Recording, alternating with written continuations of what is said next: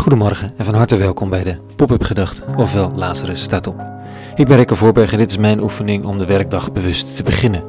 Ik lees de Bijbelteksten van de dag in alle vroegte en schrijf vervolgens een overweging uit.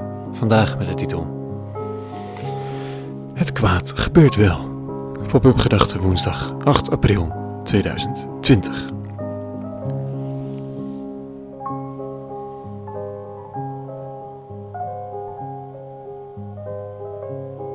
Niet de meest opwekkende titel op zo'n rustige woensdagochtend, maar het is natuurlijk wel waar. Wie er ook de oorzaak van is en hoe schoon je ook je handen houdt, dat betekent niet dat de wereld opeens vrij is van het kwaad zelf.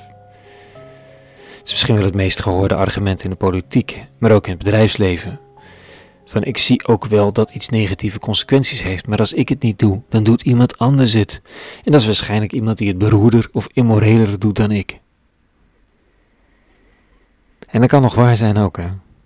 Het is de reden waarom sommige partijen in de politiek die hartelijk voor de goede zaak staan, niet de strijd voor een kinderpardon of voor iets waarvan ze weten dat het rechtvaardig is, tot het einde toevoeren. Want nou, je kunt ongeveer berekenen wat voor nieuwe regering er aantreedt als dit kabinet valt. En dan moet je overwegen of dat een regering is waarin de kans groter is dat zo'n pardon of wat dan ook wordt uitgevoerd.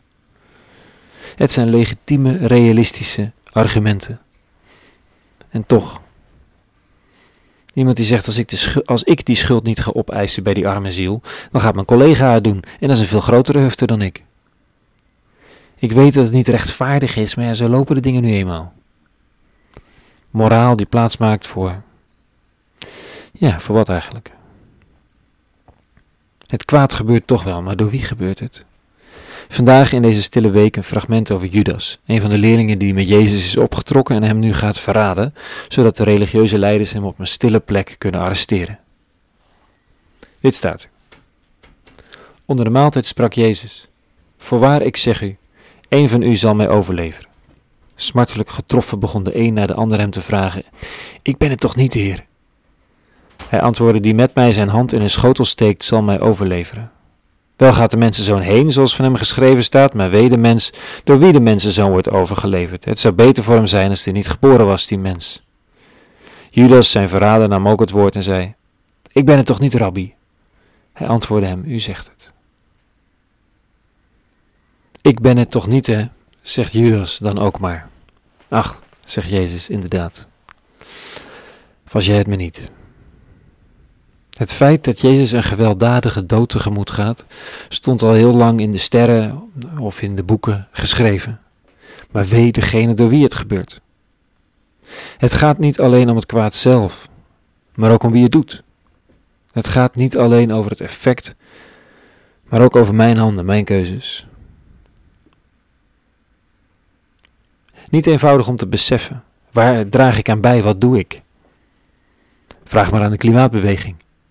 Zij gebruiken dezelfde gedachten. Het gaat er niet alleen om dat er minder uitstoot is, maar ook dat mensen zelf besluiten minder uit te stoten.